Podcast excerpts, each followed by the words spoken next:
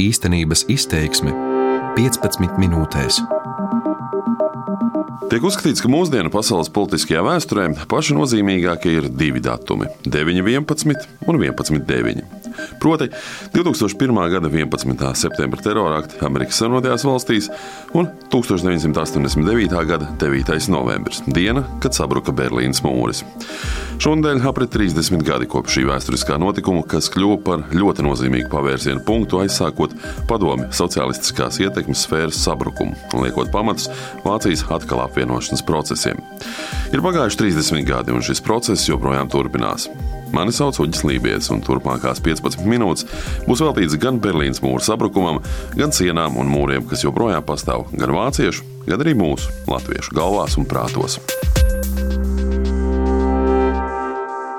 Also Privatreisen nach dem Ausland können ohne Vorliegen von Voraussetzungen, Reiseanlässe un Verwandtschaftsverhältnisse beantragt. Mēs esam pieņēmuši lēmumu izdot rīkojumu, kas ļauj katram Vācijas Demokrātiskās republikas pilsonim pamest austrumu Vāciju caur jebkuru robežu šķērsošanas punktu.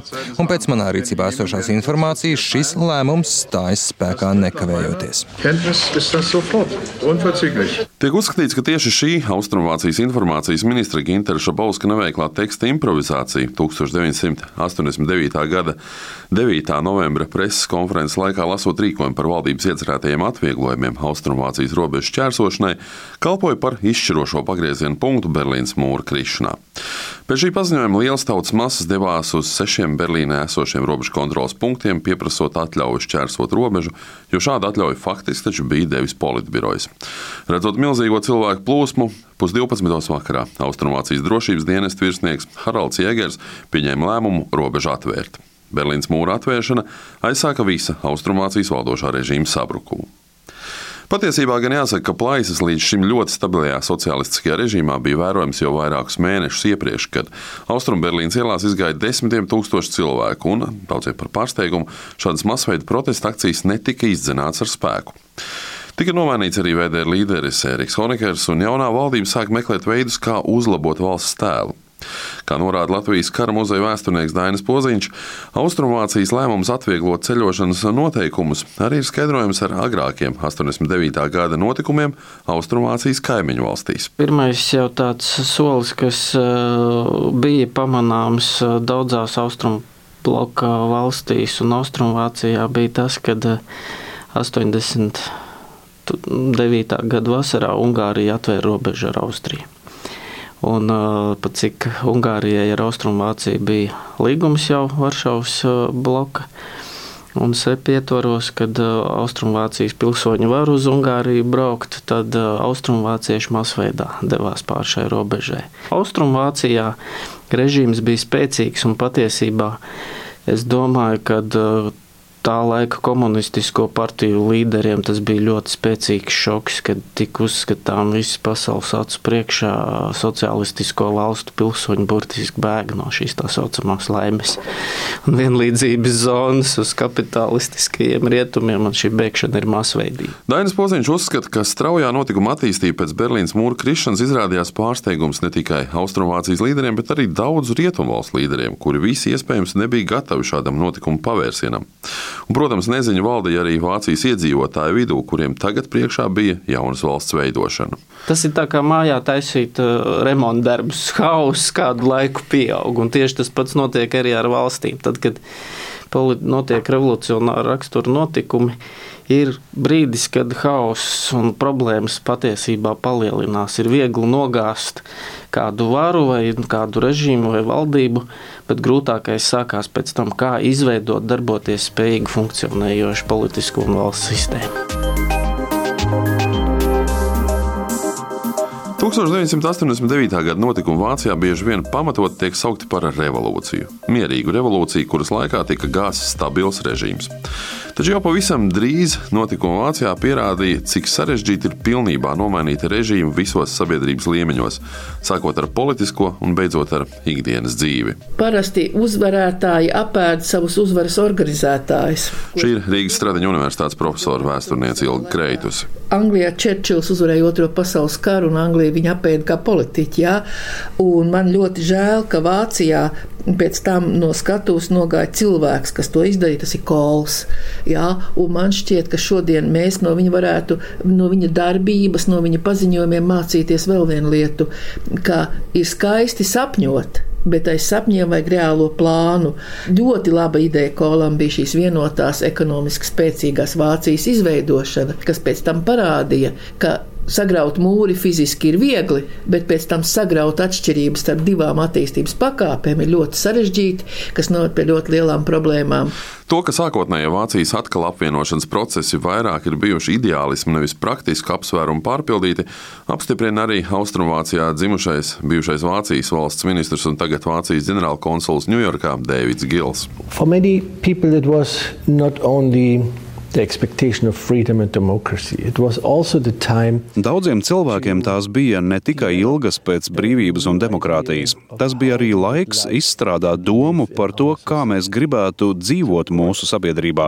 Protams, demokrātija, likuma vara, cilvēktiesības un pašcieņa bija visam pamatā, taču daudzi cilvēki centās domāt par to, ko nozīmē taisnīga sabiedrība un vai visas šīs pārmaiņas Austrumvācijā nebūtu iespēja izveidot šādu sabiedrību sabiedrību. Varbūt tajā visā bija pārāk daudz ideālisma, taču tas bija ļoti svarīgi visai kustībai, kas domāja tālāk par atkal apvienošanos. Jā, varbūt tās nebija debates visā sabiedrībā, taču ļoti lielā sabiedrības daļā gan. Bijušās Vācijas Federatīvās Republikas un Vācijas Demokrātiskās Republikas atkal apvienošanas procesi turpinās arī 30 gadus pēc Berlīnas mūra krišanas. Lai arī vienotā Vācija ir ekonomiski spēcīgākā valsts Eiropā, valsts iekšienē atšķirības joprojām ir ļoti lielas. Tā piemēram, Austrumvācijā bezdarba līmenis joprojām ir aptuveni par 2% augstāks nekā rietumos. Ja demogrāfiskajā jomā Rietumvācijā vērojams aptuveni 8% pieaugums, austrumdaļā aptuveni 11% kritums. Kā liecina Allensbacha institūta veiktais pētījums, ļoti atšķirīgi ir vāciešu viedokļi arī par piedarību valstī un par valsts pārvaldes formu. Tā piemēram, ja 71% vāciešu valsts rietumdaļā uzskata sevi par vāciešiem, tad tā domā tikai 44% Vācijas austrumos. 47% austrumvāciešu uzskata sevi par austrumvācijas iedzīvotājiem un arī tikai nedaudz vairāk kā 30% no Vācijas austrumdaļas iedzīvotājiem uzskata demokrātiju par piemērotāko pārvaldes modeli, kamēr rietumos šāda pilsoņu īpatsvars pārsniedz 70%. Šādas atšķirības, protams, rada pamatīgus izaicinājumus arī pašreizējai Vācijas valdībai un tās kanclerei Angelai Merkelei, kuras, starp citu, pati arī nākus no Austrumvācijas. Vēl pirms gada Merkele atzina, ka ekonomiskās atšķirības tiek mazināts, taču sašķeltības mazināšanai ir nepieciešami arī daudzi politiski un struktūrāli risinājumi. Dazu sage ich ja und nein. Auf der einen Seite wollen wir ein Förderprogramm für alle strukturschwachen Regionen Deutschlands entwickeln. No vienas puses, mēs vēlamies izstrādāt finansēšanas programmu visiem struktūrāli vājākajiem Vācijas reģioniem. Mēs kā federālā valdība esam izlēmuši par to parūpēties īpašā vienlīdzīgu dzīves apstākļu komisijā. Taču ir arī liels skaits ļoti specifisku problēmu. Pirmkārt, solidaritātes akta darbības termiņš beigsies vien šī gada beigās. Otrkārt, arī pēc tam joprojām būs struktūrālas atšķirības. Piemēram, iekšzemes koprodukts uz vienu iedzīvotāju Austrumvācijā ir tikai aptuveni 73%. Tas ir labs rezultāts, taču tie nav 100% no pārējām federālajām zemēm. Papildu tam nodokļu sloks ir ievērojami zemāks. Mums ir jāuzdod sev jautājums, kā mēs varam sabalansēt sistēmiskās un struktūrālās atšķirības starp austrumiem un rietumiem zinātnes un pētniecības jomā, jautājumā par lielo kompāniju atrašanās vietu, jautājumā par struktūrālo bezdarbu.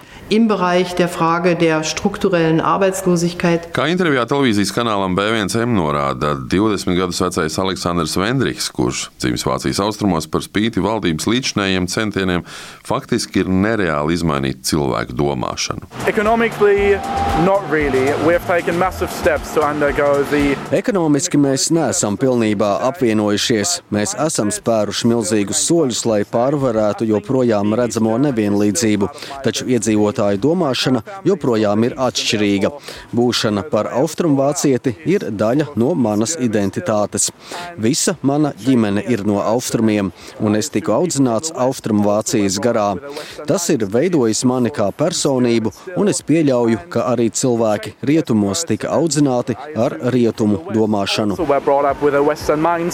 Pēc Aleksandra domām, lai arī Berlīnas mūris ir sabrucis jau 30 gadus, ir daudz dažādu, pirmajā brīdī kā nepamanāmu sīkumu, kas tomēr veido kopējo noskaņojumu. Jūs nevarat palaist garām vietu, kur bija siena, kaut vai Brandenburgas vārti. Šeit bija austrumi, šeit bija rietumi. Ja austrumu daļā ir daudz tramvaja līniju, tad, piemēram, rietumu daļā to praktiski nav. Ielu apgaismojums austrumos austrumos ir dzeltens, bet rietumos zils. Tās ir mazas atšķirības, kas galu galā sasumējas, un jums būs iespējams pateikt, vai esat bijušajā rietumu vai austrumu daļā.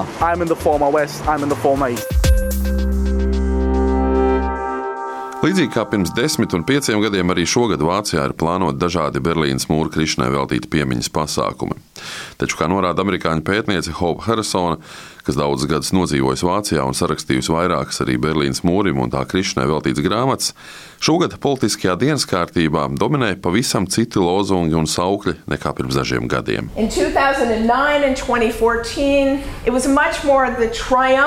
2009. un 2014. gadā vairāk tika runāts par triumfālām un pārliecības pilnām mācībām ka siena nevar pastāvīgi apspiest vēlmi pēc brīvības, brīvība un demokrātija uzvarēja, labais var triumfēt, sienas var pārvarēt, viss ir iespējams, vācieši var būt varoņi nojaucot sienas un atbalstot demokrātiju. Taču tagad vairāk tiek uzsvērtas smagās mācības. Fakts, ka siena pastāvēja, liecina, ka demokrātiju nevar uztvert kā pašu par sevi saprotamu, bet par to ir jācīnās katru dienu ka vēsture nebeidzās ar mūru krišanu, ka lietas pārejas posmā var būt ļoti sarežģītas, ka sienas joprojām pastāv cilvēku prātos. Un, protams, dažādas jaunas sienas tiek celtas arī citur Eiropā. Un vācu politiskajiem līderiem pats depresīvākais vēstījums ir tāds: Vācieši nevienmēr ir varoņi vai demokrāti. Tāpēc viņus ļoti satrauc ziņas par pašlaik vērojamo vardarbību pret iebraucējiem. Pagājušā nedēļā vien dzirdējām ziņas par to, ka piemēram vienā no Vācijas austrumu lielākajām pilsētām Dresdenē ir izsludināts nacisma ārkārtas stāvoklis. Varas iestādēm bažījoties par ārzemnieku un iebraucēju drošību. Arī federālā līmenī Vācijas varas iestādes runā par nepieciešamību aktīvāk vērsties pret ekstrēmistiem, kuru skaits pirms dažiem gadiem Eiropas migrācijas krīzes laikā ievērojami palielinājās turklāt tieši Vācijas austrumos. Lai arī Berlīnas mūris jau 30 gadus kā kritis, dažviet tā fragmenti un veseli posmi joprojām ir saglabāti un kalpo gan kā izstāžu, gan kā piemiņas vietas tiem desmitiem cilvēku, kuri gāja bojā mēģinot šo sienu šķērsot. Neliela daļa no šī mūra atrodas arī Rīgā. Kronvalda parkā izveidotajā piemiņas ansamblī apvienots Berlīnas mūra fragments ar 91. gada barikāžu laikā pie sājuma ēkas uzceltā betona sienas fragmentu. It kā tieši savalkot paralēles starp abu valstu notikumiem 80. gada beigās un 90. sākumā. Kā norāda profesora Ilga Kreitus, Berlīnas mūra krišana pirms 30 gadiem nenoliedzami bija kā grūdienis arī neatkarības kustībai šeit, pat Latvijā. Tā Berlīnas mūra krišana bija, ziniet, cik es atceros, tāda, eh, kā lai saka, neticība tam, ko tu redzi, kas notiek. Jo šķita, ka tas ir kaut kas tik stabils un ka tomēr vēl padomju savienība un viss tas ir tāds stingrs, ka var tik it kā vienkārši tas notikt. Jā? Un es domāju, ka šeit sagāja kopā divi momenti. Tas pacilāja, kas mums bija skatoties, kas, kā mēs paši kustamies, un otrs ieraudzīt, ka var sagraut šo simbolu kas ir šķīris cilvēkus, un ka tas vienkārši var tā tikt sagrauts, norauts zemē, un, un, un šī cilvēku sajūsma, kas ir. Man šķiet, ka tajā brīdī bija tāds, ko varētu salīdzināt ar Latviju, eifórijas moments, kad neviens nedomāja, kas notiks tālāk. Bija šis uzvaras prieks, un tas, manuprāt, bija ļoti vajadzīgs. Lai ticētu sev šis uzvaras prieks, ka var izdarīt, ka var izdoties, un galvenais pretī, ka tāpēc nesākās represijas, nenāk armija, kas tevi apšauja. Arī Dainis Poziņš atzīst, ka Latvijā Berlīnas mūra krišana bija ļoti nozīmīgs signāls par to, ka sociālistiskā sistēma sāk brukt visā Eiropā. Taču viņš arī atzīst, ka līdzīgi kā Austrumvācijā, arī daudz Latvijas iedzīvotāju galvās tā laika sienas un mūri pastāv joprojām. Nav šī padomju ēna pilnībā pazudusi no Austrum Eiropas un arī no Latvijas, diemžēl. Šie režīmi atstātās pēdas joprojām te, saka, dzīvojās pa cilvēku galvām valsti var nogāzt, bet valsts vai impērijas atstātās sekas dzīvo sabiedrībā vēl pietiekami ilgi. Ar to arī skan Berlīnas mūra krišanas 30. gadsimtē veltītais raidījums īstenības izteiksme. Mani sauc Uģis Lībijams, un man palīdzēja skaņoperators Renārs Steimanis. Īstenības izteiksme 15 minūtēs.